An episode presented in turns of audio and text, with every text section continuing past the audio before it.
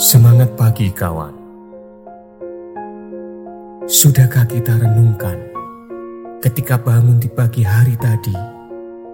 Sungguh kita dibangunkan dari kematian. Yang terus berulang tiap hari tanpa kita sadari. Betapa banyak nikmat yang kita kufuri. Betapa kesempatan berlalu sia-sia. Yang ada justru kita terus mengeluhkan soal dunia. Astaghfirullahaladzim. Astaghfirullahaladzim. Padahal kehidupan setelah dunia teramat panjang. Sedangkan amalan kita di dunia ini terlalu singkat. Kami takut bekal apa yang sudah kami kumpulkan untuk akhirat.